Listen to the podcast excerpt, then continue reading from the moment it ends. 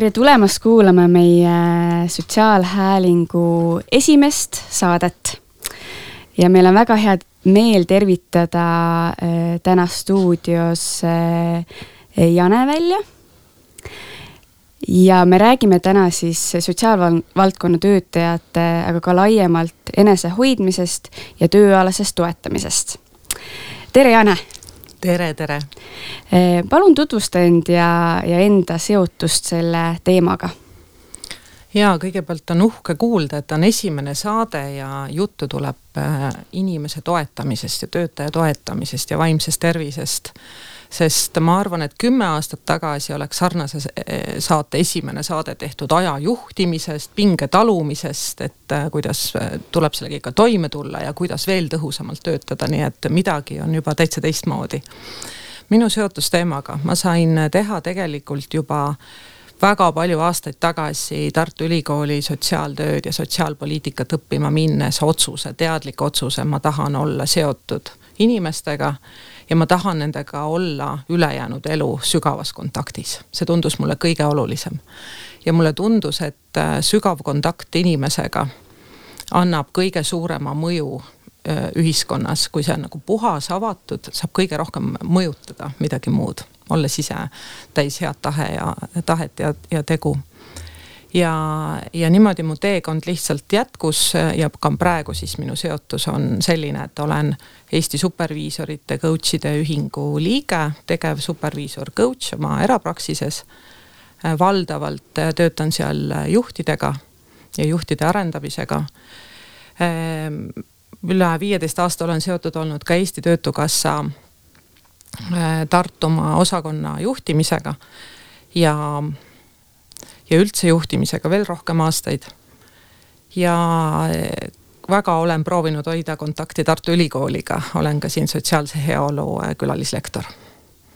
väga äge, väga palju erinevaid eh, seoseid tegelikult sotsiaalvaldkonna ja, ja inimestega üldse erineval tasandil, et, et super ehm, mis, miks sa arvad, et miks me üldse täna sellest teemast räägime või, või miks on üldse oluline sellisest enesehoidmisest ja tööalasest toetusest rääkida mm? -hmm no mõnes mõttes äh, ma nimetaks täitsa selle enesehoidmise ümber ennast väärtustavaks käitumiseks ja tegelikult oleks ju kõige ägedam, kui üldse ei peaks rääkima, kui toitumisnõustajaid ei läheks tarvis ja kui liikumisnõustajaid või treenereid ei läheks tarvis.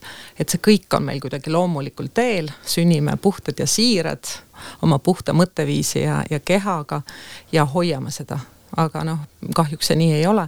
ja kui me juba sõna hoidmine, enesehoidmine räägime, siis tegelikult on seal ikkagi juba mingisugused tagajärjed et me näeme, et seda on kas vähe tehtud või on lausa juba midagi juhtunud.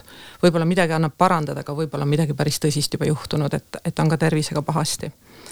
aga et eh, ega see mõnes mõttes, et ega see enesehoidmine ei olegi ju pealtnäha mingi eriline tegu, et kui ma ennast väärtustavalt elan, mm, kui mul on nälg, joogijänu keha on tooli peal jäänud kangeks, ma ju hakkan tegutsema, kui ma vajan tualettruumi, ma ju teen selle otsuse ja lähen sinna siis äh, miks, äh, miks ma vähem hakkan tegutsema, kui, kui äh, mu vaim on väsinud, kui ma juba ägestun kergemini, kui lapsed ajavad rohkem närvi ja, ja kui ma märkan, et mingid kliendid ärritavad mind rohkem kui teised, mingid kolleegid rohkem kui teised. et äh, jah, nii et ka see nagu impulss võiks tulla varem, ma võiks tajuda seda varem ja sellepärast me peame rääkima selles valdkonnas enesehoidmisest sest äh, kui ma töötan, olen valinud töö, et ma töötan inimestega, siis aeroobikatreener ka hoolitseb oma keha eest ja teeb trenni, mina pean oma hinge eest hoolt kandma.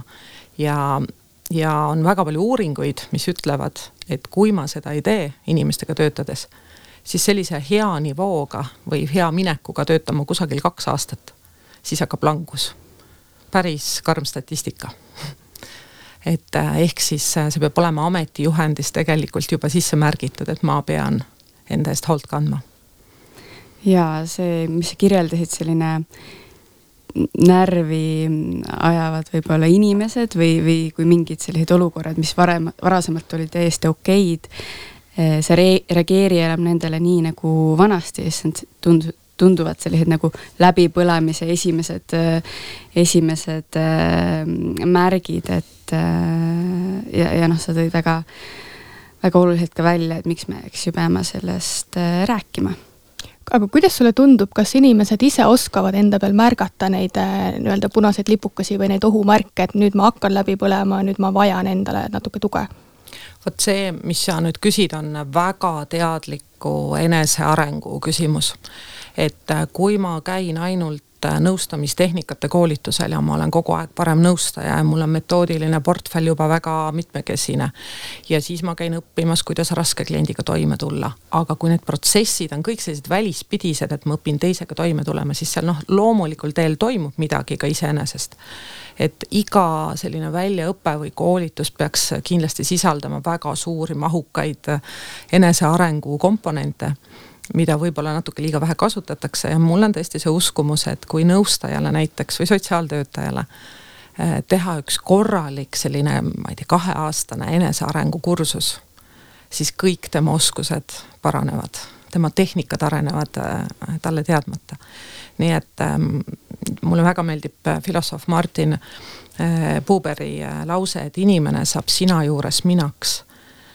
Ja kui ma nüüd hommikust õhtuni kohtun klientidega näiteks, teen klienditööd või nõustajatööd, siis ma saan iga kord järgneva kliendiga rohkem minaks, kui ma seda teadlikult teen ja märkan, mis, mis nüüd juhtus.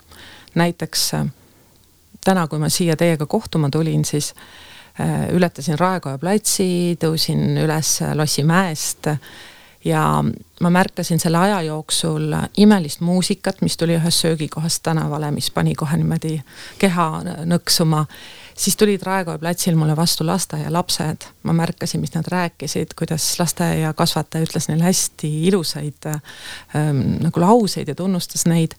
kuidas lapsed uisutasid Raekoja platsil jõuväljakul siis ma märkasin, kuidas apteegist tuli välja üks naine ja helistas oma emale ja ütles, et ema, ma sain sulle selle rohu, mis sul vaja oli, et mul on nii hea meel.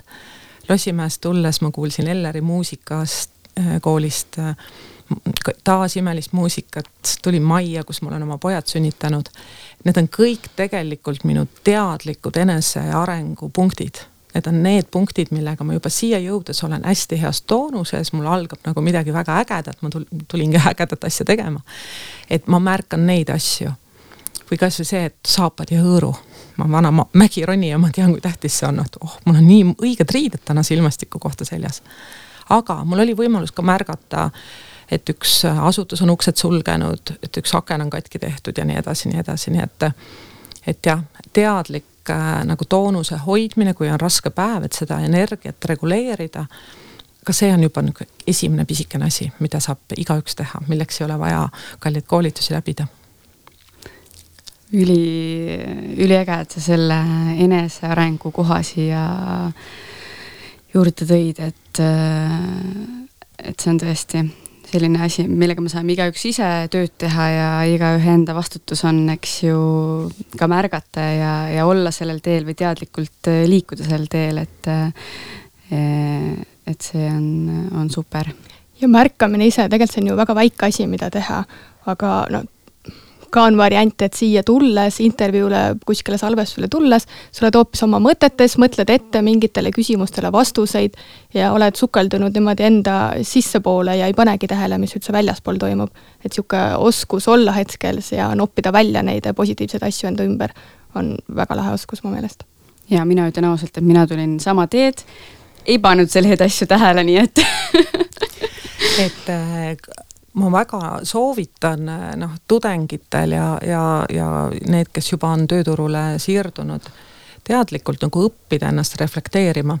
et see on, ma, ma väga kiidan kõiki õppejõude, kes seda sõna kasutavad, et refleksioon ja, ja mis sa nüüd õppisid, ma olen kümme-viisteist aastat pidanud niisugust juhtimise alast päevikut ja see ei ole üldse midagi mahukat, mõni päev on seal ainult üks lause kirjas aga kui ma loen äh, iseenda kirjutisi kümne aasta tagusest ajast, siis ma mõtlen äh, noh, ikka, et oh äge, noh, mingi areng toimub. et äh, panna tähele ja õppida teadlikult reflekteerima ja kui ma seda ka noh, nagu õpin tegema, isegi kui ma ei jõua kirjutada, ma aju mõtleb ikka, kuidas mul praegu see tunne on. mõnikord ma mõtlen, mida ma tunnen, mida ma märkan, mida ma mõtlen ja noh, võrdlen neid asju ja, ja juba saan signaali, et ohohoo, Jane, kuule, täna oleks vaja nüüd aeg maha võtta, et äh, sa ei ole enam nii tõhus, sa ei realiseeri ennast parimal viisil ja võib-olla õhtuks sa suisa juba kahjustad kedagi miks on üldse oluline rääkida sotsiaalvaldkonnas või ka inimestega töötamise puhul sellisest enesehoidmisest ja, ja kustpoolt tuleb sisse ka see tööalane toetus, et miks on just nagu kui me töötame inimesena teiste inimestega, tahame neid aidata, toetada, miks just selles kontekstis see oluline on? no seal on jah, üks väga selge noh, nõue peaks olema, range nõue et ma ei saa mitte toivi, toimivana ka parima tahtmise juures teisi aidata. et reaalselt äh, me ei tee kvaliteetset tööd, kui me ei ole korras. ja, ja kui inimesega mitte teha kvaliteetset tööd, siis äh, on see kahju äh, kordades suurem kui see, et me keerame mõne masina tuksi korraks teadmatusest või tähelepanust. ja ja mis on veel keerulisem, on see, et selle valdkonna esindajad puutuvad väga palju kokku inimestega, kellel on parasjagu kriisid või traumad. ja kui ma oskan enda sees oma traumasid analüüsida ja neid tähele panna, alles siis ma oskan teise inimese traumasid märgata ja teda toetada.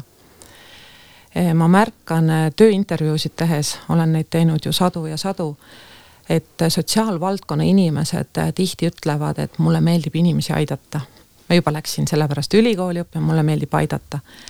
see natuke teeb mind ärevaks. Äh, mulle meeldiks, inglise keeles on head sõnad useful ja helpful. mulle meeldiks, kui me äh, sotsiaalvaldkond läheks rohkem sinna useful suunda, ehk siis olen kasulik mitte see, et ma olen suur timur ja ma tulen sind päästma ja palun, vaja mu abi ma tahan sind aidata vaid kuidas olla maksimaalselt kasulik. ja alati ei ole vaja aidata. ja sellepärast ma pean väga lugu raamatust Aita ja vari ja tavaliselt teen noortele, kes ülikoolist tulevad meie juurde tööle mm, kohe kohustuslikuks, et kui see raamat on veel läbi lugemata, et siis palun loe. midagi meil natukene on seal sellist, et, et see Aita ja vari on suur ja mul on tunne, et ähm, et seda valdkonda, nii, nii eripedagoogikat, sotsiaaltööd, sotsiaalpoliitikat, ka ilmselt psühholoogiat.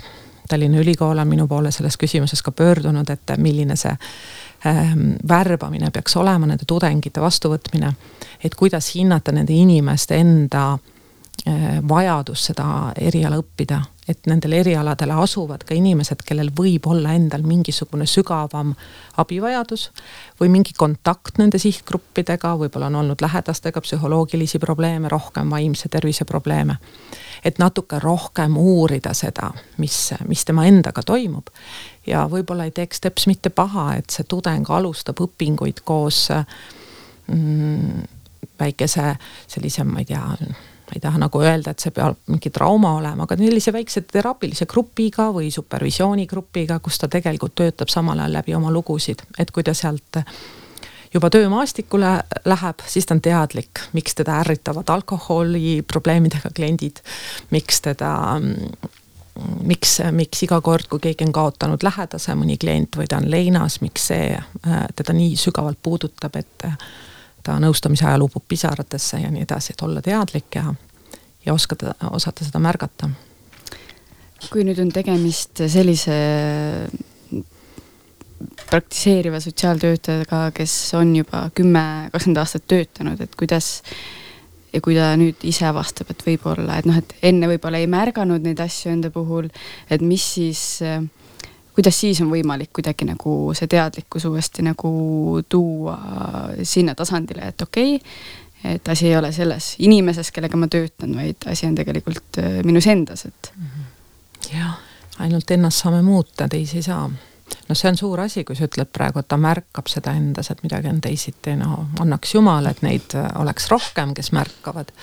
tihti on nii, et teised märkavad, et midagi on valesti ja, ja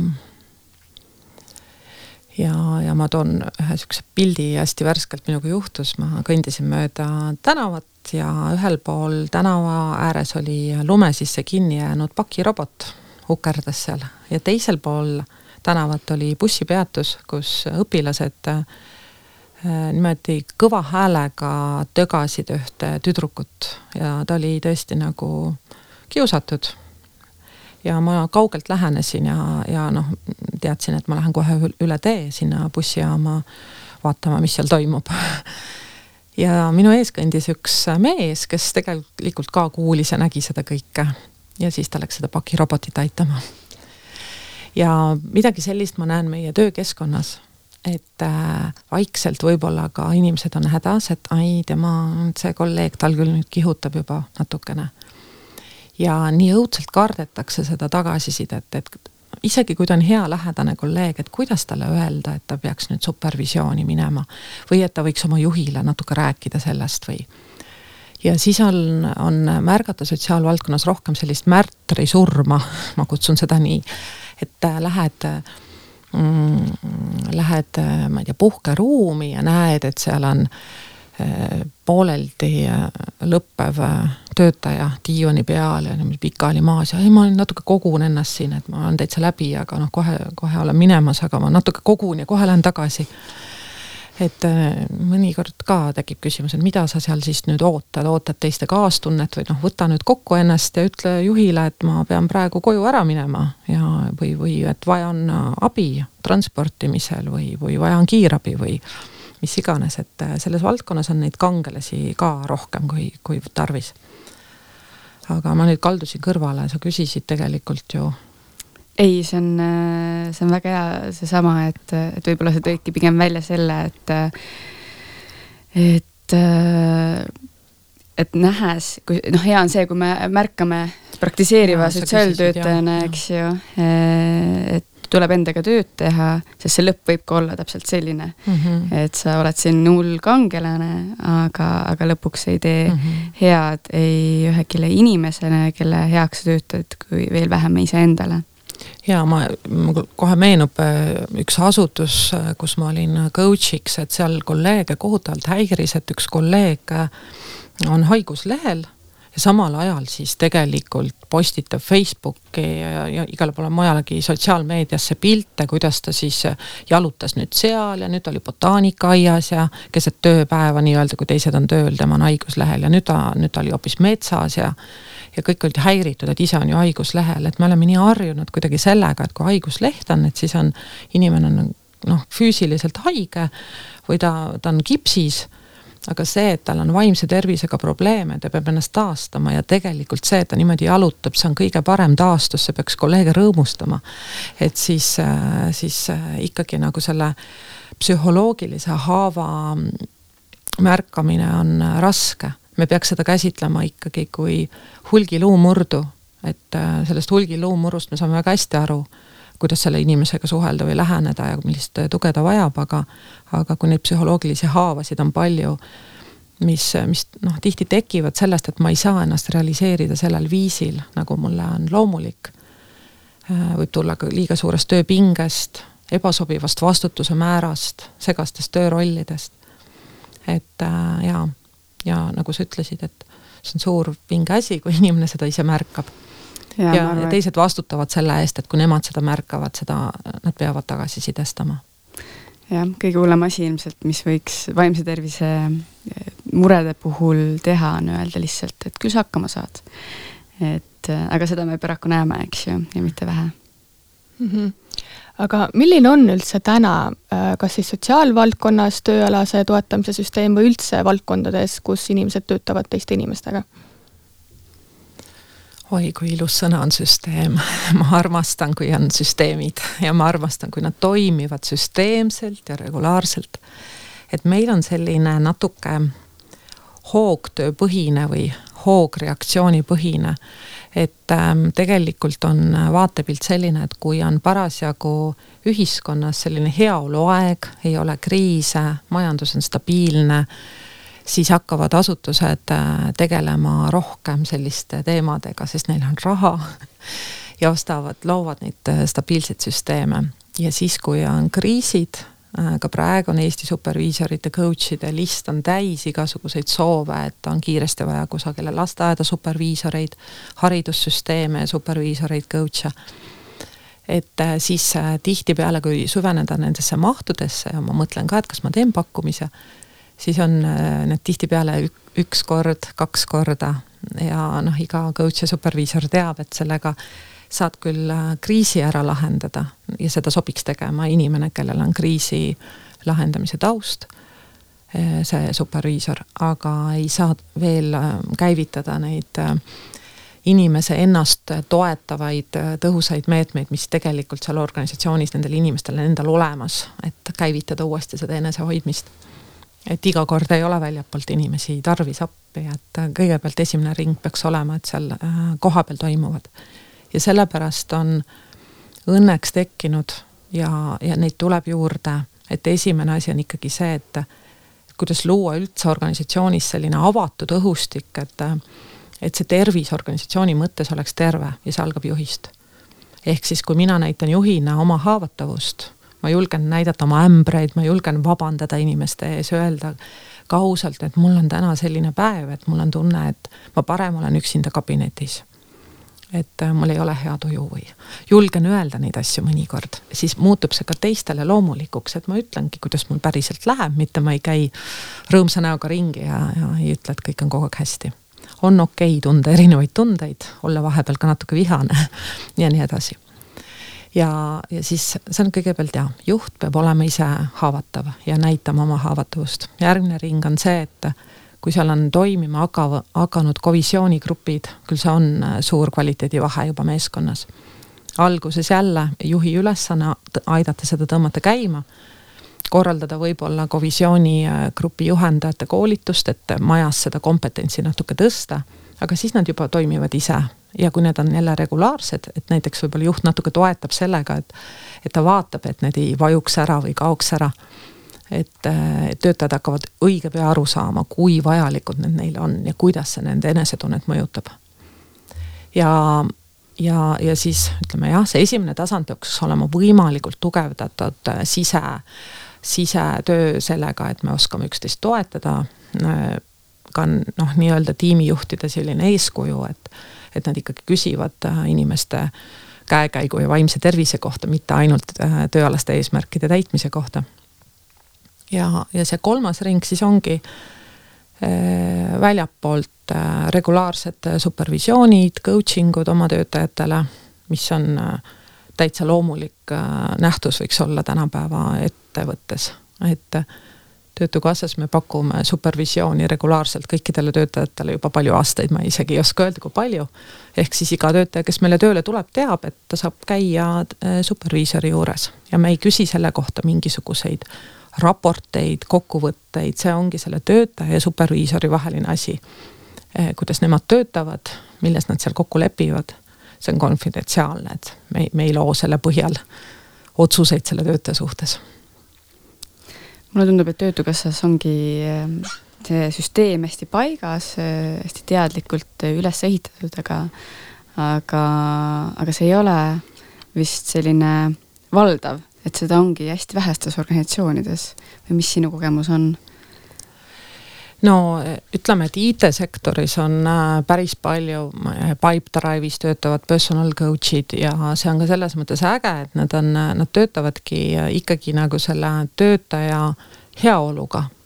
et äh, see ei ole ainult tööalane ja mulle väga meeldib, et töötajat üha enam vaadatakse või, või need juhid ja, ja ettevõtte omanikud vaatavad, kui Äh, kui inimest, kellel iga elusektor peaks tasakaalus olema, et see on tema töösektor, mida mina talle pakun, tal on veel hobid, tal on lähisuhted, tal on äh, kodune keskkond, äh, kas tal on see, on ta sellega rahul?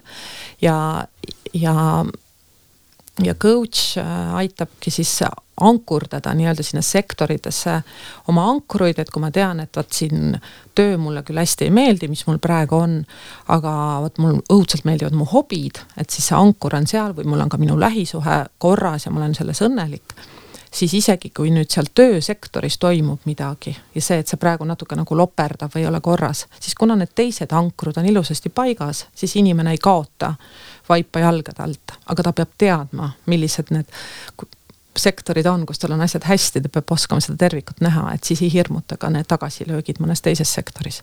või näiteks, et lähisuhtes on muutused ja, ja see, see ei ole inimese algatus või rõõm, aga samal ajal tööl on asjad korras, siis saab nagu keskenduda jälle või panna oma ankru natuke sinna, et aga kõik ei ole kadunud et äh, jah, et selles mõttes need personal coach'id siis aitavadki töötada ikkagi nagu selle tasakaaluga, mitte ainult töönõustamist ei tee. Äh, ja, ja see valdkond neid äh, omab, aga samamoodi, et mõned sektorid, kes said sellise löögi koroona ajal ikkagi, need on ka esimesed inimesed, keda tihtipeale siis koondatakse, et niisugused well-being või heaolu pakuvad. Äh, ja siis on ikkagi noh, mina olen natuke tänulik sellele koroona ajale, sest vaimse tervise teema ei ole mitte kunagi rohkem varem olnud nii tõstatatud ja supervisiooniteenust ja, ja coaching'u teenust ja üldse välise abi küsimise oskust. ja enda jõustamise teemasid pole varem nii äh, teemana olnud, nii et, et ma ikkagi julgen öelda, et Eesti läheb praegu päris heas hoos ja suunas ja eriti siis äh, haridusmaastik ka, kus äh, on toimunud juba mm, erinevad sellised hanked, kus otsitakse haridusjuhtidele coach'e ja ja ise osalen ühes sellises äh, programmis ja jah, et ähm, võib-olla veel selline kohaliku omavalitsuse, väiksema kohaliku omavalitsuse sotsiaaltöötaja, sotsiaalhooldaja, nemad võiksid tulla kuidagi rohkem vaatevälja. ja, ja muret teeb mulle isiklikult ka haridusmaastik ja õpetajad. Ja see, mis sa kirjeldasid ka sellise nagu coaching'u sisuna, et, et me vaatamegi, et see tegemist ei ole inimese kui töötajaga, vaid tegemist on inimese kui tervikuga, kellel on erinevad eluvaldkonnad, mis üksteist, eks ju, mõjutavad. et, äh, et see kindlasti ei ole ka täna ju tööandjate seas selline valdav, sest inimene on siin, et tööd teha, aga, aga loodetavasti see järjest enam nii-öelda valdavaks muutub.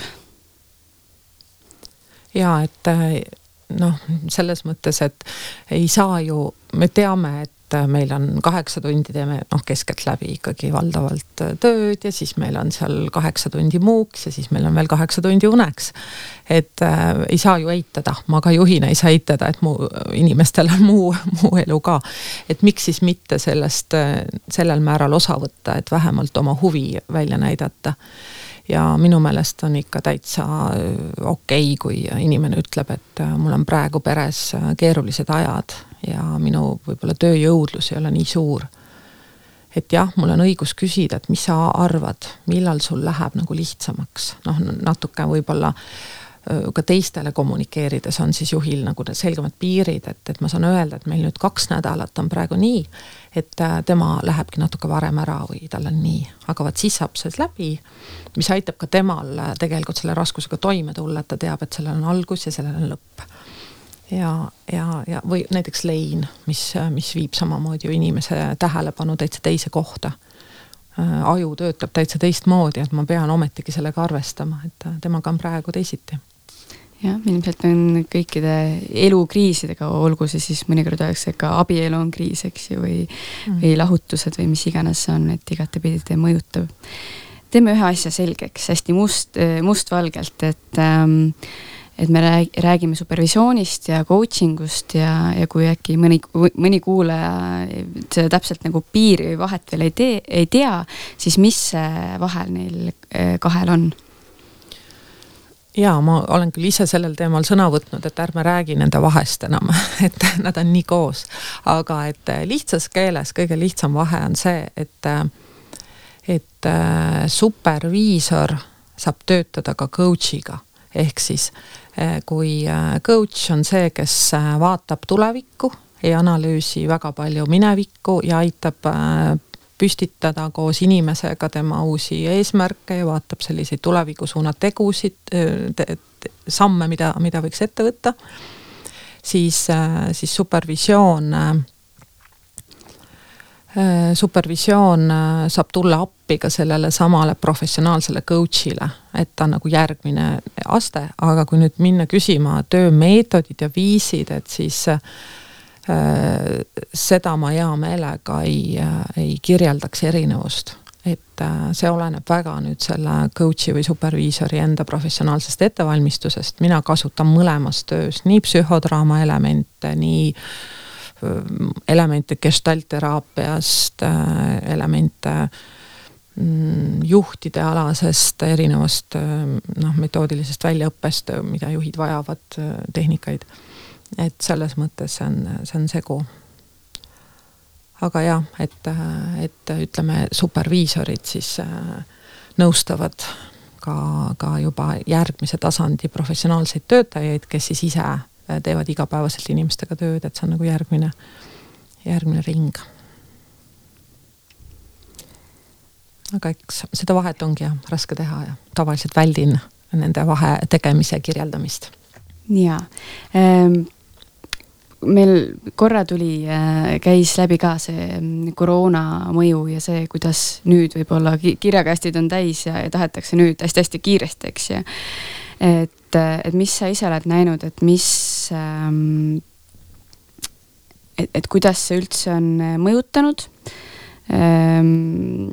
see mis rolli üldse mängib selline enese tööalane toetamine äh, pandeemia ajal?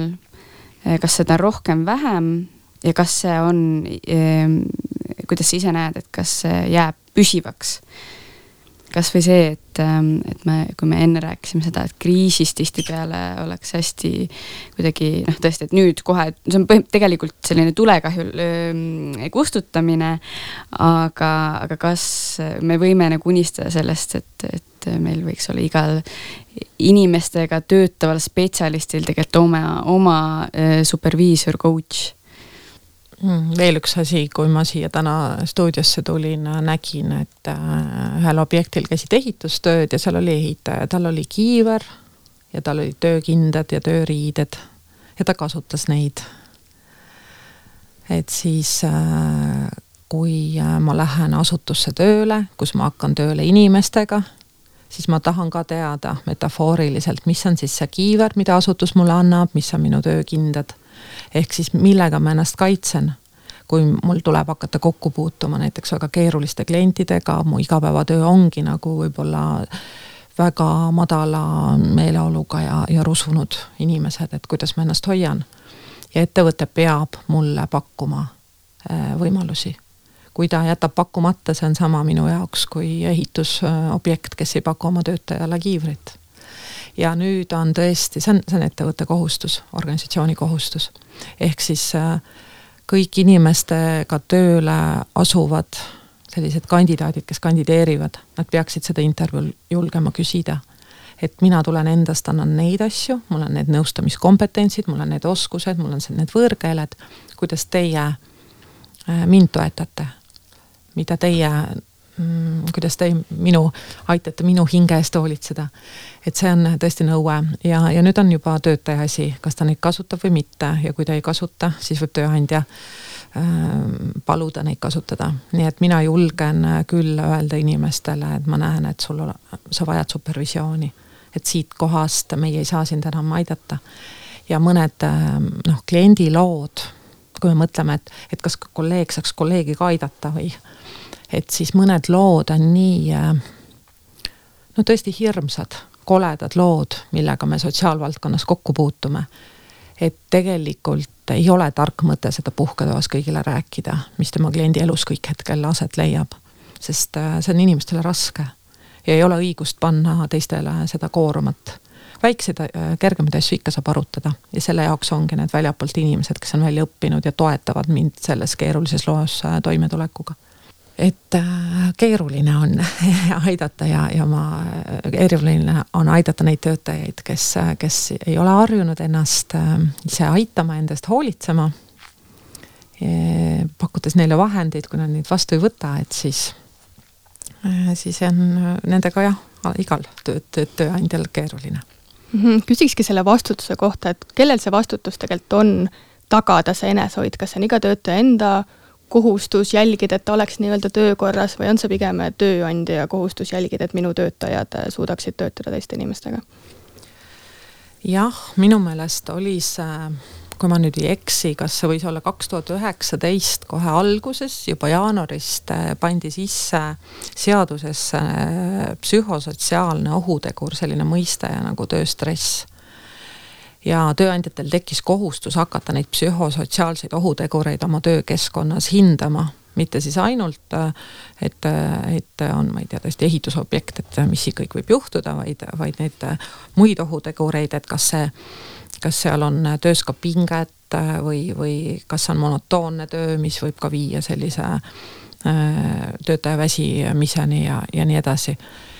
ja, ja noh, nüüd on huvitav olnud, ma ise ei, ole seotud selle seadusandlusega, et Tööinspektsioon äh, jälgib nende asjade täitmist ja töötervishoiuarstid ja, ja töötervishoiutöötajad.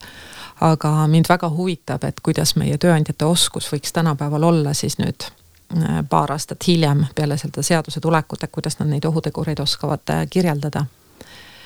Äh, küll aga nad sattusid sellesse olukorda nüüd uuesti, kui nad pidid koroona riskihindamised asutustes läbi viima, mis noh, tõi kaasa küll selle, et kui palju ma kontaktis olen klientidega üldse, aga, aga hinnati ka muid ohutegureid, nii et neid neid raporteid oleks kindlasti hästi huvitav vaadata erinevate asutuste omi, et kuidas siis keegi hindab, aga et kelle vastutus on, et et jah, et äh, asutuse vastutus on pakkuda välja vahendeid, et kui tal midagi pakkuda ei ole. Ja vot nüüd see, et ma mm, ütleme, et ma ainult pakun siin spordikulude kompenseerimist või, või siis äh, üks tervisepäev kuus või, või aastas nagu vaba päev või noh, see ei ole enam see, see on nagu äh, täitsa tavaline, see peabki olema, et see peab olema midagi enamat, mingisugune professionaalne tugi ikkagi. ja ma pean siis silmas praegu neid inimestega töötavaid asutusi. et see eh, peab olema siis tõesti seesama kovisiooni võimalus või, või regulaarsus. aga peab olema mingi süsteem, mis on kogu aeg olemas, mis on võib-olla uuel töötajal juba kohanemiskavas kirjas, et eh, kui ta uuele töökohale asub, et see hakkabki nii olema et mul ongi ette nähtud, et ma vot iga kuu osalen seal komisjonis ja, või, või ma käin regulaarselt supervisioonis ja on riike, kus tavalisel kohaliku omavalitsuse sotsiaaltöötajal on ametijuhendis tõesti ühe tööülesandena kirjas, et ta peab käima supervisioonis. ja, ja üldiselt nendel ei ole ka seal küsimust, et kas ma tahan või ei taha, et mida rohkem ma ennast uurin, seda huvitavamaks ma lähen. ja seda rohkem ma näen, et on materjali, mida uurida ja üle vaadata. mõtlen tihtipeale, et äh, kui sotsiaalvaldkonna töötajana või sotsiaaltöötajana, siis minu ülesanne on äh, aidata inimesi ja ma ootan, et inimene küsiks abi, siis miks me sotsiaalvaldkonna töötajatena ise tihti seda abi ei küsi või miks see ei ole nagu normaalsus või miks meil täna tegelikult me saame öelda, et meil need süsteemid on ju organisatsioonipõhised, aga me ei ole sellist nagu üheselt mõistetavalt äh, tööalase toetamise sellist, et jah, nii on, me teame, milline see üldine süsteem või iseenesestmõistetav süsteem on miks see on nii, ma olen vahepeal mõelnud selle peale ja ma ei oska sellele nagu iseenda peas mingit vastust leida. Minu mõte ka olnud palju ja analüüsinud seda, sest seda enam on huvitav, et kuna mina coach in väga palju ka startup'e ja selliseid alustavaid ettevõtteid ja neil on just see team building'u või noh, tiimi ehitamise sellised esimesed segadused, et mul oli siin parim sõber, me mõtlesime, et me hakkame sinu IT-firmat tegema. ja nüüd selgub, et parima sõbraga nagu tööd teha on hoopis midagi muud ja, ja siis äh, igasugused sellised teemad. ja siis ma kogu aeg märkan seda, et nii kui need äh, inimesed on teistest valdkondadest, siis nad nii avatult räägivad sellest, äh, milliseid jamasid nad ise korraldavad, see peegel on nii aus, nad ei ole sellised kangelased, nagu ma enne ütlesin sotsiaalvaldkonna kohta. Nad ütlevadki ausalt ka oma ettevõtte neid läbikukkumise lugusid räägivad ja nad ei häbene seda aga millegipärast see sotsiaalvaldkond toob endaga kaasa mingisuguse mm, sellise prototüübi, et ma pean olema inimesena nagu tugevam või suurem. Ja tugevam ja suurem inimene ei murdu ja, ja kannab välja. Ja tema, sest ma nagu need noh, ma ütlen ka ma, sest ma olen ka selle valdkonna esindaja.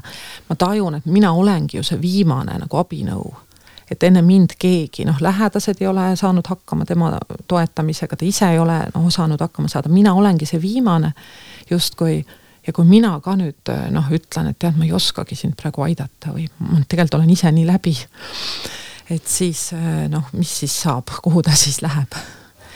Ja, ja võib-olla selline nagu alateadlik ja, ja, aga mida ma rohkem ähm, ikkagi kogen, eriti peale käimist ja viibimist ka Iisraelis, kus äh, nagu see story telling või endast räägitakse, oma lugudest räägitakse väga palju läbi läbikukkumise lugude.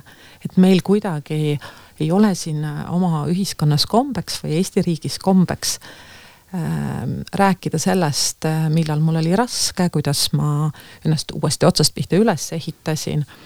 et see tuleb nagu kuskilt sealt mujalt või, või ka läänest. millegipärast äh, me peame rohkem näitama, et me oleme need vaprad.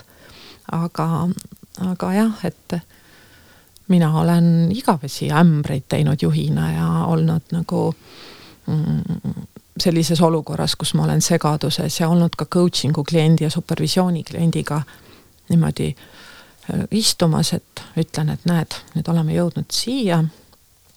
ma tunnen, et sa ootad minult midagi, et ma küsin midagi tarka ja mul ei tule praegu ühtegi mõtet, mida sinuga võiks edasi teha. mis sa arvad, mis, mis me teeme nüüd? Või ma tunnen, näiteks ütlen, et me oleme juba kohtunud neli-viis korda, ma tunnen, et meil on päris nagu hea koos olla. Äh, ja ma tunnen, et me oleme selles mugavustsoonis et me kumbki nagu ei lähe sinna õppimistsooni või. et miks sa, mis sa arvad, miks mina tahan seda mugavust siin hoida ja miks sa ise ka enda poolt kõik teed, et seda mugavust hoida? mis sa arvad, hakkaks õppima nüüd või midagi sellist, et ma mõnikord noh, ütlen ka, ma olen täitsa nõutu. ei teagi, ma tunnen, et mul nagu ebamugav. ma ei oska nagu midagi ette võtta, äkki sina tead. nii et äh, Ehm, päris tihti ma kasutan selliseid viise, ehk siis olen aus. ei, nõustajaid on muideks vahva vaadata niimoodi kõrvalt, kui nad inimest nõustavad. et äh, vahepeal nad tõusevad millimeetrikese nagu tooli peal kõrgemale, näed, et äh, nüüd ta rääkis, küsis midagi, kuulis vastuse ära, tõusis kuidagi kõrgemale ja siis lähevad allapoole meie tuharalihased annavad meile mäik-, mängu, märku, et kõik ei ole korras noh, ebamugav on ju, oled vestluses kohe natuke kuidagi niimoodi, keha tõmbab pingesse ja see on näha, see on nii huvitav, kui niimoodi hästi detailselt jälgida.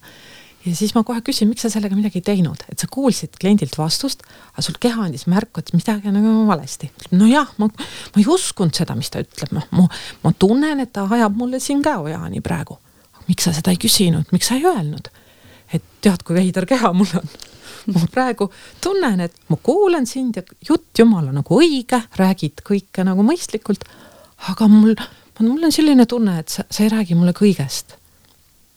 et vabandust, ma võin eksida, aga mul on tunne, et sa jätad midagi olulist rääkimata. et me nagu ei julge neid impulsse võtta. ja vot äh, siis, siis juhtub see ka selle sotsiaaltöötajaga, ta on ikkagi see tubli, kes teab, kuidas tuleb paberid ära täita, kuidas on korrektne kliendiga rääkida ja alles siis, kui klient on ruumist välja läinud, siis ta teeb niimoodi oh, kolleegile, oh, oli see raske inimene. no kui ta nii raske inimene on, räägi talle, kuidas sa ennast temaga tunned. räägi, et sul on teda raskem aidata millegipärast või seal on takistused või sa kahtlustad natuke milleski, aga vabanda ette, küsi, et ma võin eksida, et kas ma võin teile midagi öelda, mul on nii imelik seda küsida, mul on isegi ebamugav seda küsida. aga mul on tunne, et teil on äkki alkoholiprobleemid ja võta see risk, et te võite minna tülli. aga see on meie töö. absoluutselt, kuidas me tegelikult, eks ju, jõuame siis äh, selle tulemini või üldse saame sellega tööd alustada, et, et selles suhtes võib-olla mulle tundub, et ka see, mis sina kirjeldasid ja mida ma võib-olla olen ka nagu täheldanud, on selline vajadus või, või mingi selline alateadlikult jah, vajadus võib-olla isegi nagu kõike kõigest teada või aru saada, selle asemel, et küsida, uurida, eks ju, et, et mhm. sotsiaaltöötaja ju peab tihtipeale olema selline uurija ka. no vot, see on meie PISA tulemus nüüd, et me oleme kõik nagu nii tublid ja kui me midagi ei tea, siis me pigem nagu räägime, et me tegelikult ikkagi teame, et see korraks lihtsalt võib-olla ununes meil, aga et meil tuleb see kohe meelde, selle asemel, et öelda, et äh, olengi unustanud, ei oskagi teil on selline küsimus praegu, et ähm, ma helistan teile tagasi, ma pean hakkama uurima, äkki mõni targem kolleeg teab. et jah, meie, meie pisa ja meie lapsepõlv paneb meid olukorda, et see tubli lapse, tubli tüdruku või tubli poisi sündroom on meil hästi tugevalt ja me nagu kaitseme seda, et ja tubli laps teab õigeid vastuseid. ja ma näen see, et eks ju tööl viis ei saa selle eest, kui tubli olla, et kahjuks ei saa ja, ja surilinal ei ole ka taskuid, nii et Just. lõpuks saab kaasa võtta kõik see, mis, mis me kokku oma ammumannasse kogume, nii et ainult enesega rahulolev naeratus on see viimane asi, mida lähedased näevad, kui me lahkume sul on ju tegelikult juhina ka väga hea ähm, ütleme, portfell või see tööriistakast tegelikult, mida kasutada, eks ju, et kui sa oled ise ka coach, äh, et et aga kui me jätame selle kõrvale, siis mis on sinu jaoks sellised ähm, ütleme, kolm must have asja, mis tegelikult igal juhil peaks olema tööriistakaski, kastis, et osata oma töötajaid toetada? aasta tagasi tegin ma sellise hullu äh, plaani. minu meeskonnas töötab seitsekümmend kaks inimest. tol ajal vist töötas lausa seitsekümmend viis ja tegin sellise hullu plaani, et ma kõikide oma töötajatega äh, teen vestlused, sest meil on ka mitu, mitmeid vahejuhte, kes tegelikult nendega vestlevad ja arenguvestlusi teevad ja, ja et ma kõigiga räägin ja et see on selline vestlus, millel ei ole mingisugust ähm, noh vormi keegi ei pea täitma ja kokkuvõtet ei pea kirjutama, et see on üks-ühele vestlus, ma küsin, kuidas sul läheb ja ma küsin, kes sa oled. Et sest ma tean, kes nad on, kui nad tööle tulevad, aga siis nad arenevad, õpivad, avastavad, nende elus juhtub palju asju, et kes mis, mis praegu on. et nad lihtsalt saavad endast rääkida ja vot see ongi juhi kõige tähtsam tööriist. see otsus ja aeg üks-ühele vestluseid teha, sest äh, mul ei ole nii kõrge energiaga tööaastat, kuigi samal ajal juba äh, käis äh, või lähenes, jah, see oli poolteist aastat tagasi, lähenes koroona juba nagu täistuuridel ja aga nii võimsalt positiivset emotsiooni äh, kogesin ma, et, et praegugi rääkides tulevad külmavärinad ja saada kontakt vahetult kõikide oma inimestega, teades, kuidas neil läheb, mis neile huvi pakub, kas nende potentsiaal on kasutatud kas nad ise tunnevad, et nad saavad realiseerida ennast parimal viisil, millised tööülesanded neid tühjaks tõmbavad, millised tööülesanded neile energiat annavad. et aidata tal ennast sellel ajal ka reflekteerida nendel teemadel, mille üle ta võib-olla ei olegi mõtelnud.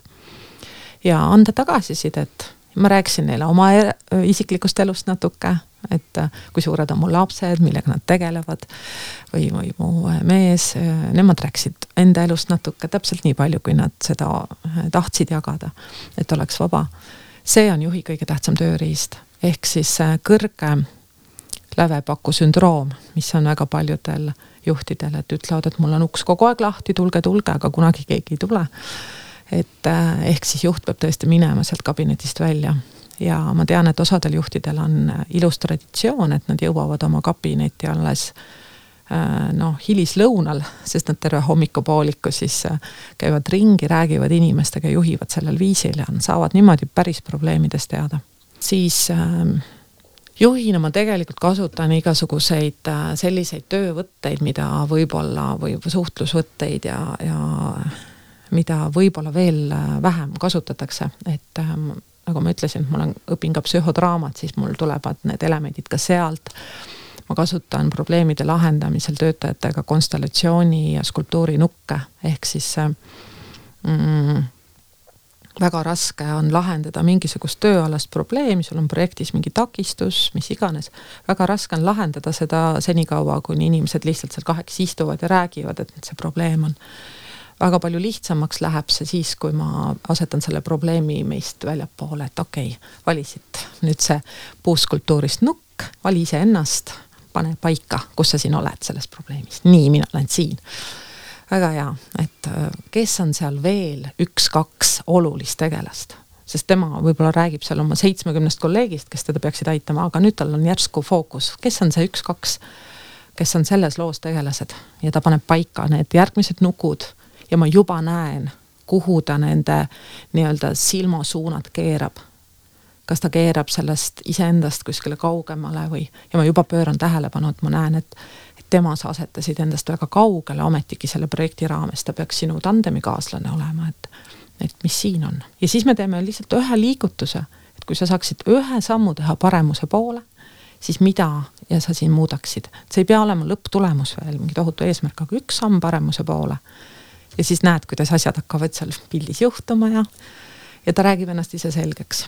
ja noh, need on coach ivad, juhtivad töövõtted ja coaching us on selge, et ta on minu partner äh, vahet ei ole, mis on selle töötaja haridustase, intellektuaalne pagas Äh, kindel on see, et ainult tema teab õigeid vastuseid, kuidas ähm, oma elu probleeme lahendada, kuidas tööprobleeme lahendada.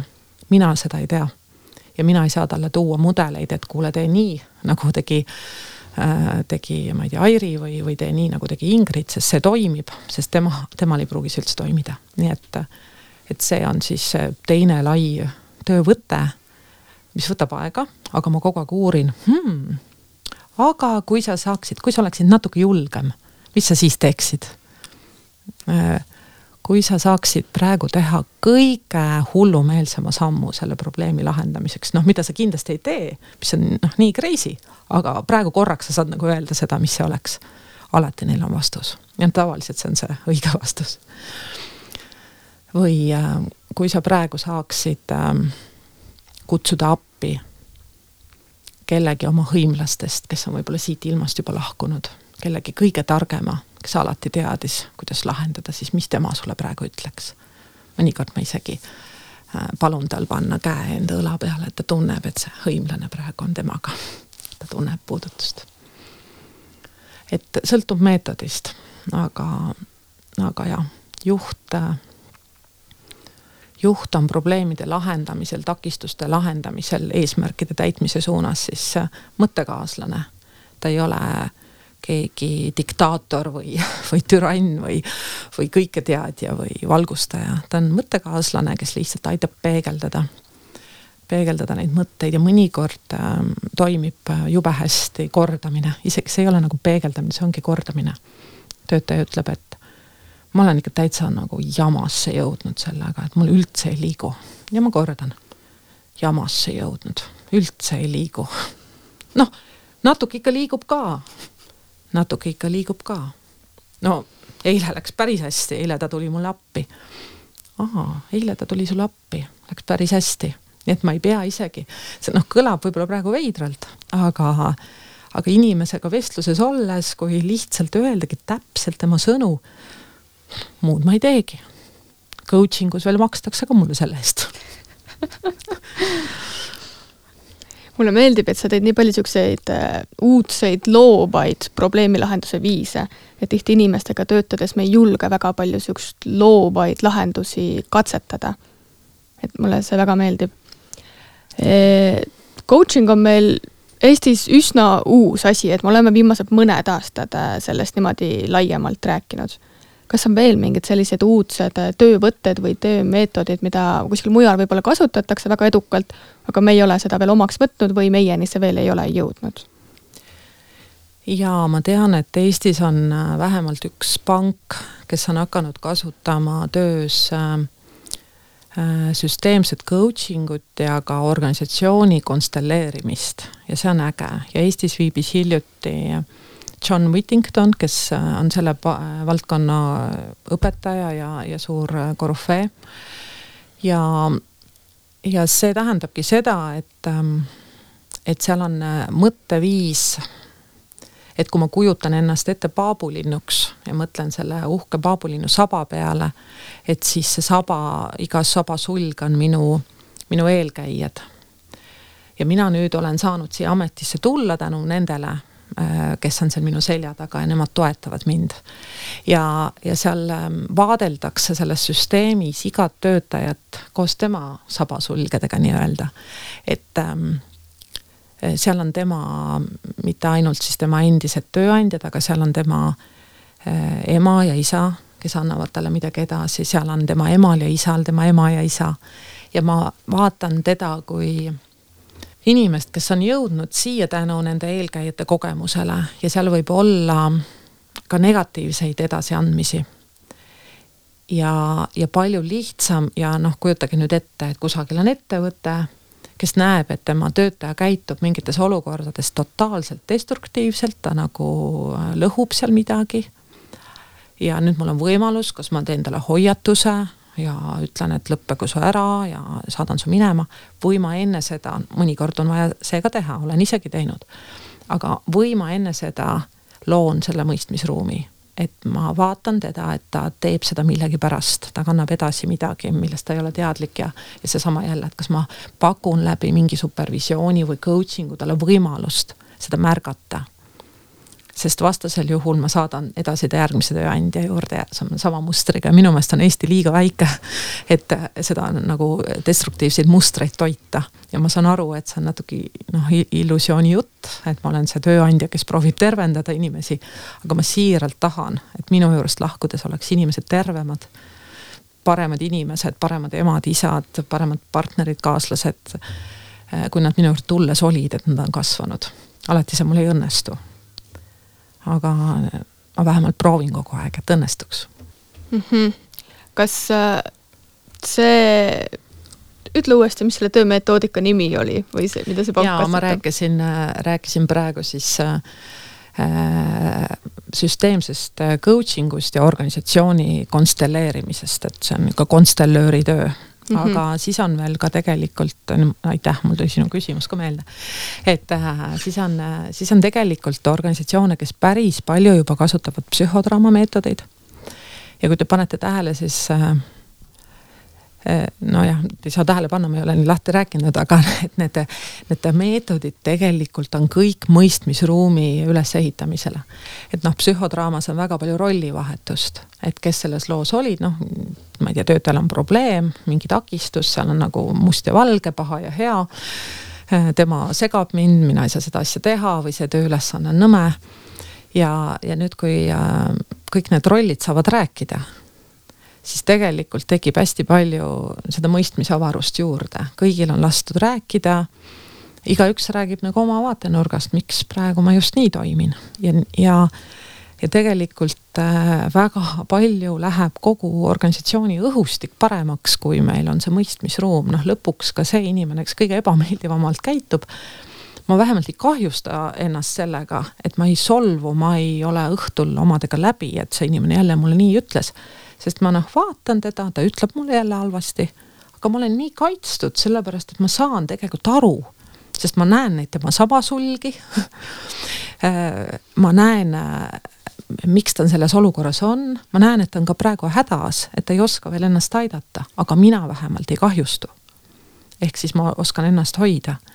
Ja ja see, et me iga päev satume mingisse olukorda või vähemalt iga nädal, mis korraks võib meid nagu kõigutada või meie emotsioone liigutada mm,. tore oleks kõiki tundeid äh, kogeda, aga oskus ennast tagasi tuua tasakaalu nivoole, vot see on see, mida siis organisatsioonid praegu erinevate metoodikatega juba nagu oskavad teadlikumalt teha. aga jah, seda psühhodraamat ma küll tooksin äh, ettevõtetesse palju, palju-palju rohkem, sest, äh, sest ta annab võimaluse tõesti avardada seda mõistmisruumi, äh, õpetab nagu üksteist paremini ära kuulama ja, ja aru saama ka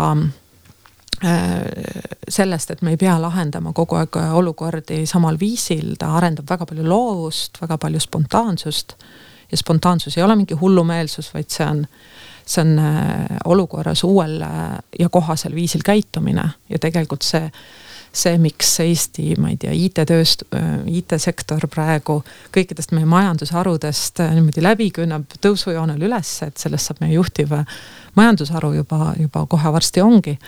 et seal on just seesama loovus äh, äh, lahendada uusi uudsetel viisidel, julgus proovida ja, ja siis vahepeal ka tunnistada, et see oli küll igavene jama, mis me praegu tegime, me kukkusime kaks aastat allapoole, aga me vähemalt proovisime, see on proovitud variant see on, see on täpselt see, mis mul endal nagu silme ette su jutu põhjal tuli, on tegelikult see Äh, see kahe ringi süsteem, kus sees on mugavus ja ringist väljas on siis äh, mugavustsoonist väljas, eks ju.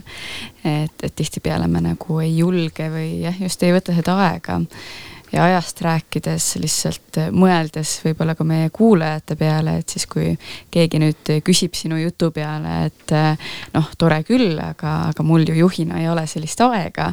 et kust sina selle aja võtad või mis sa vastaksid selle peale? kui ei ole aega, siis ma ei saa neile pikalt vastata, neil ei ole aega kuulata, et siis ma ütlen, et kui sul on üks minut aega, et pane Youtube'i mm, Arno Baltin ja äh, ühe minuti loeng ajast ja siis kuula see ühe minuti loeng, et äkki see muudab sinu arusaamist ajast. aga Arno Baltin oma ühe minuti loengus väga selgelt ütleb, et äh, ajatunnetus ja suhtelisus on meie peas, me ise saame otsustada, kui palju meil aega on. ja võin äh, julgelt öelda, see, see on mul üks kõige uuem õppimine olnud, et ma arvan, et ma umbes alles viimased kaks-kolm aastat tean et äh, Arnol on tuline õigus, varem see tundus mulle noh, kuulan, aga ma ei saanud kontakti. ja, ja mina usun, et kes rohkem teeb, see rohkem jõuab ja midagi on võimalik äh, selle otsusega totaalselt muuta et äh, ma mäletan, kui ma tormasin ringi, ma, mul ei olnud seal nagu pausi, ma hingeldasin ühest punktist teise minnes, et nii intensiivne tundus. praegu mu kalender on äh, kolm korda tihedam ja mul on palju rohkem aega. Ja kui te küsite, et kuidas see toimib, siis äh, siis need vaheliikumised, see, mis ma enne kirjeldasin, kuidas ma vahepeal märkan, et selle kohaloluga on võimalik äh, saada aega. võtta maha täiesti ärevus järgmise asja ees, sa oled lihtsalt seal kohal, ma vaatan teile otsa, teil siin silmad säravad, ma öö, äh, naudin seda, seda olekut siin ja, ja ei ole mõtetes seal, kus ma olin enne või seal, kus ma olen pärast ja siis kuidagi see aeg tuleb juurde, ma ei oska teile öelda, kuidas, aga, aga see on huvitav. et see ei kehti ka mitte ainult võib-olla juhtide suhtes, aga ka näiteks sotsiaaltöötajad, kes ütlevad, et nendel on kodukülastused ja graafik on nii täis, et ka nendel, kes pole võib-olla enesehoiuks nii palju aega või pole aega minna sinna psühholoogi või superviisori juurde, et ka tema saab tegelikult niimoodi ise aega juurde tekitada. jah, sest kui mina ka nõustamisel küsin, et ahah, et et aga vaatame seda asja, et võtame korraks su kalendri ette, et ma, ma noh, sa räägid, ma saan aru küll, et sul ei ole seal ruumi, korra vaatame.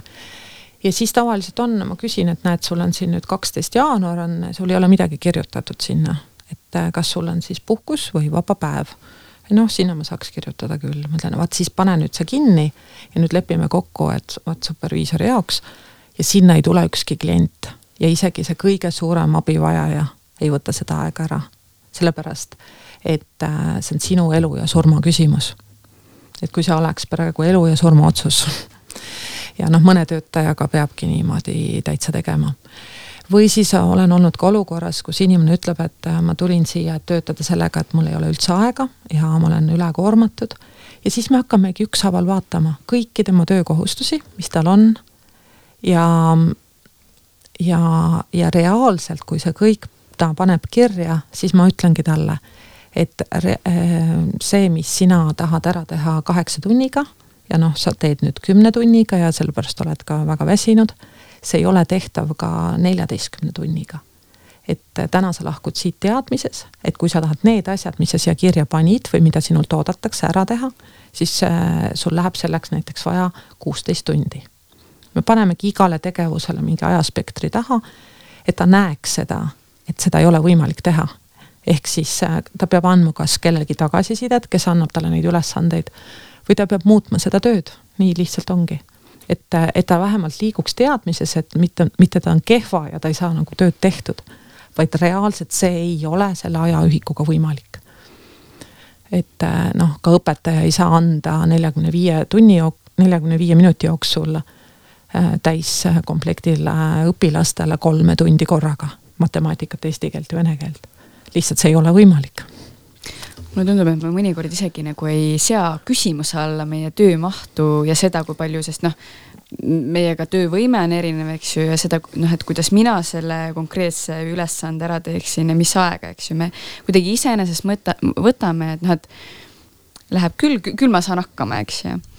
aga, aga korra selle aja juurde tagasi tulles ka üldiselt, et mis ma iseenda peas olen mõelnud ja, ja ka sind kuulates äh, uuesti see mulle meelde tuli, et äh, et kui rääkida nii juhi kui ka töötaja tasandist, et, äh, et siis kui me ütleme, et mul ei ole enda töötajate jaoks aega või me ütleme, et mul ei ole enesehoiuks aega, siis see on küsimus minu arust ka prioriteetides, ehk siis ma ei väärtusta ennast piisavalt eh, või ma ei ole iseendale prioriteet või siis mulle juhina ei ole minu töötajad näiteks, ma ei võta nende jaoks aega, sest tihtipeale meil kõigil on kakskümmend neli tundi ja, ja aega on vaja võtta, mitte see ei tule iseenesest, eks ju, sest meie oleme oma aja kontrollijad et see on tihtipeale seda lihtsalt tõesti kuuleb nii palju, et aega ei ole ja siis nagu sinagi räägid, et, et kui võtame kalendri ette ja päriselt vaatame, mis seal faktiliselt on, siis mulle tundub, et see on meil justkui veres, et kogu aeg peab tööd tegema, aega ei ole. aga kuidas me oma aega kasutame, see on nagu see teine küsimus, eks no coach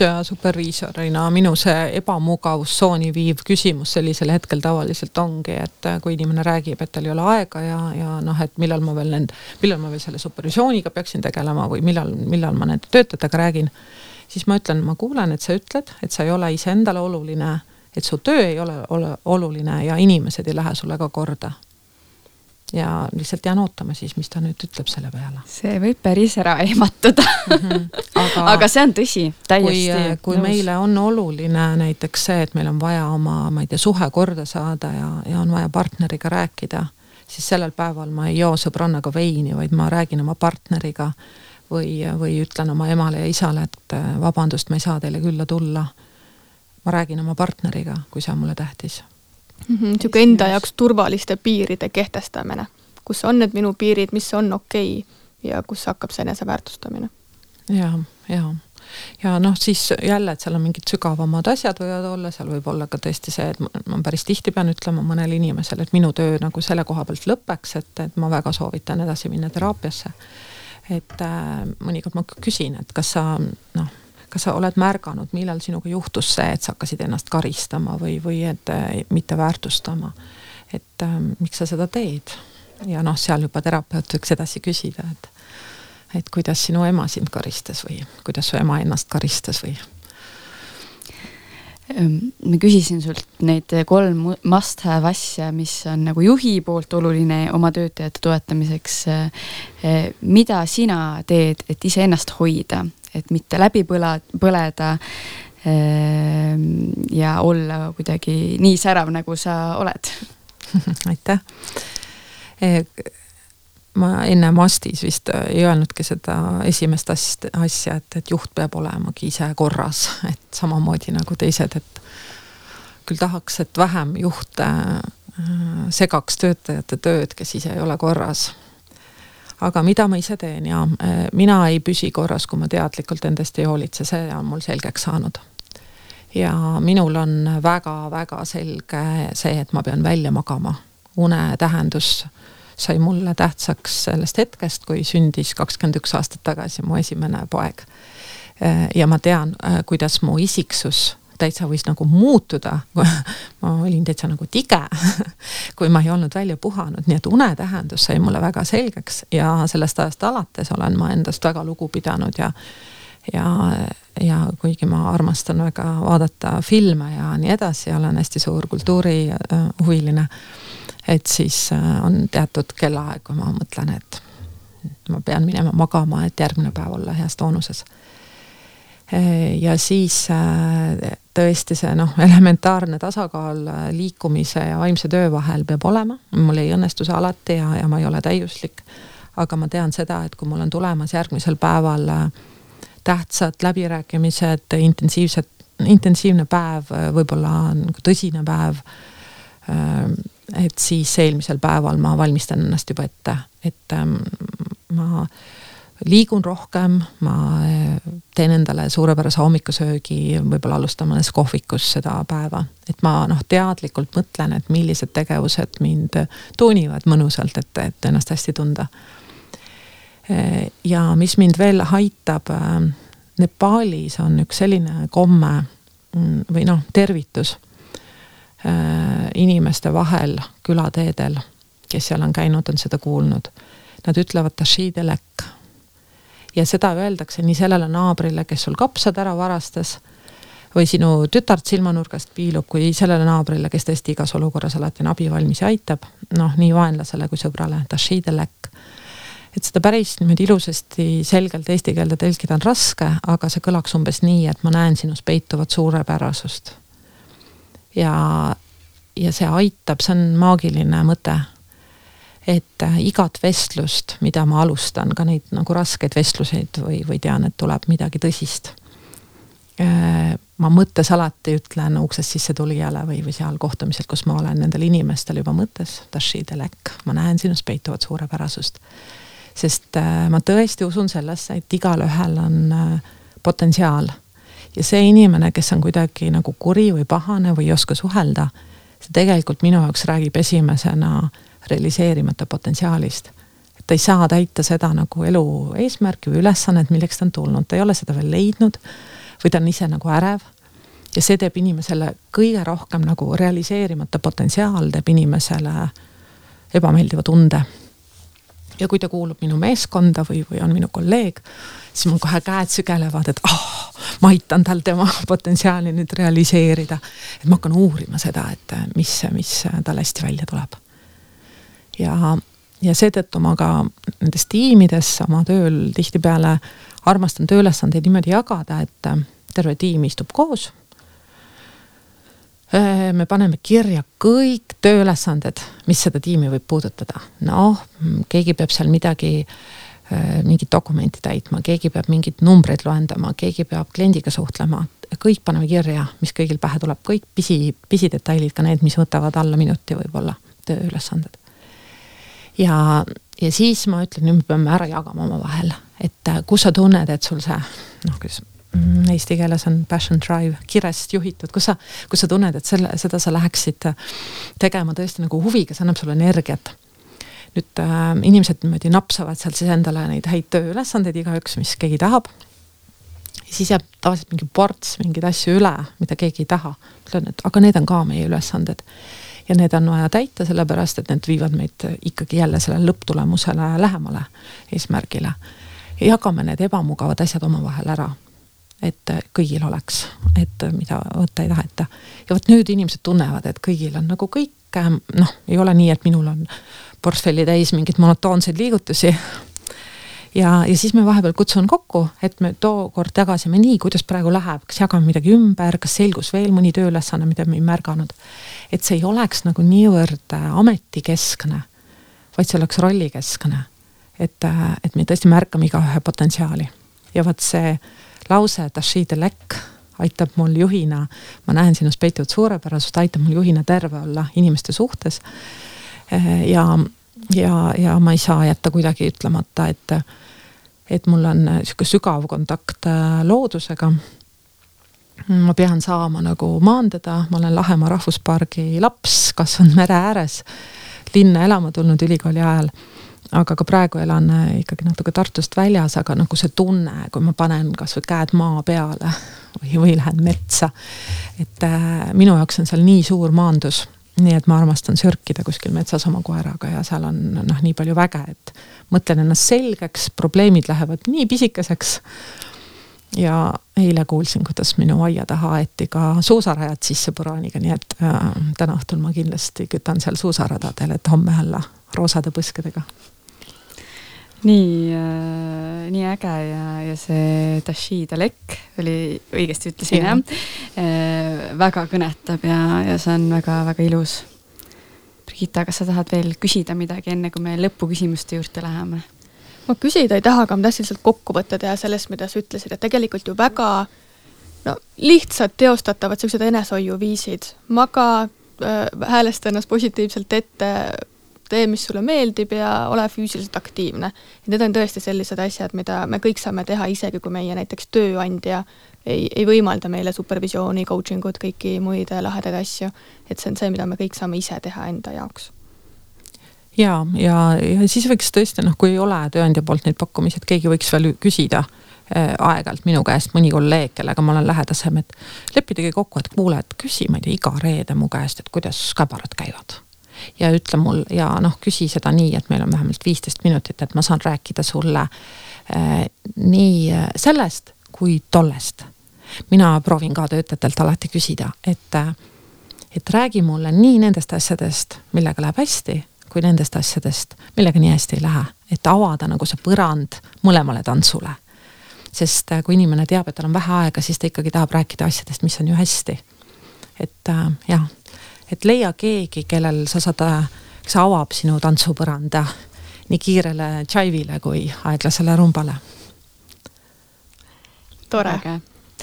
aga meil on ka üks üllatus siin saate lõpus ehk siis meil on äh, iga saate lõpus on kolm küsimust äh,, millele sa pead vastama, noh, väga pikalt ei, üks, üks sõna kuni üks lause, eks ju, noh, võib kaks lauset ka et, äh, et mis siis, no vot, mugavustsoonist välja. küsimuse sisu polegi tähtis, vastata lühidalt. esimene mõte, mis pähe tuleb ja, ja lihtsalt, et ja, ja neid küsimusi siis me äh, küsime kõikide külaliste käest Eh, esimene küsimus on siis see, et mis sind inspireerib inimestega töötamise juures?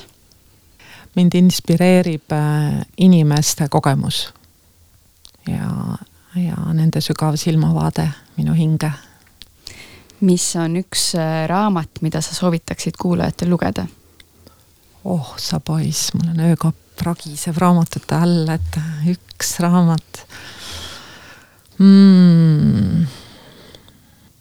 võib-olla praeguse ühiskonna ja selle, need teemad, mis me saame nagu meediast ja kõik, mis natukene paneb mu ohutuled vilkuma, ma tahaks, et tänapäeva inimene loeks läbi raamatu Julia Diamondi raamatu, mis on nüüd tõlkes eesti keeles ka paar aastat tagasi ilmunud, Võimust. Mul on tunne, et me ei taju äh, võimu äh, teemat nii äh, nagu nõustaja tasandil kui, kui siis tippjuhi tasandil. et me uuriksime seda võimu teemat natuke rohkem sellest võiks eraldi saate teha, see on lihtsalt, hüppan vahele, see võimu teemaga minu arust sotsiaaltöötaja puhul on hästi-hästi oluline, et, et kus oma neid piire, piire tajuda.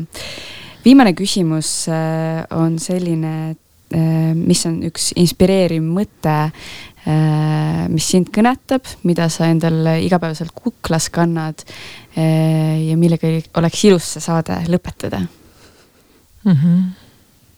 no ei kõla võib-olla nii autentselt, aga ikka kordan seda, et ole sina ise, sest kõik teised on juba olemas, et ja sina ise mm, tähendab seda, et kui ma nüüd küsin kiiresti teie mõlema käest, et vastate pärast oma sood omavahel, et küsin, kes sa oled. ja sa ei kirjelda ennast parasjagu läbi oma rollide, vaid kirjeldadki, kes sina oled, et et see sina ise ongi mul mõeldud sellega, et sa oskad seda öelda kiiresti. oled jõudnud elus sellesse kohta, et oskad seda juba öelda, kes sa oled. ma arvan, et see on suuremapärane küsimus ka kõikidele kuulajatele nüüd mõelda, vaagida, selle võtame, selle küsimuse või mõtte võtame kindlasti ise kaasa ja, ja tasub isegi kirja panna. aitäh, Jane, et sa tulid, üliinspireeriv, ma tõesti kuulasin ja olin kohati äh, kinni naelutatud ja, ja väga palju selliseid mõtteid ka, mis mind ennast kõnetavad, äh, mille peale ma ise mõelnud olen, et, äh, et suurepärane ja aitäh sulle, kes sa meid kuulasid ja järgmise korrani! aitäh teile, olge terved!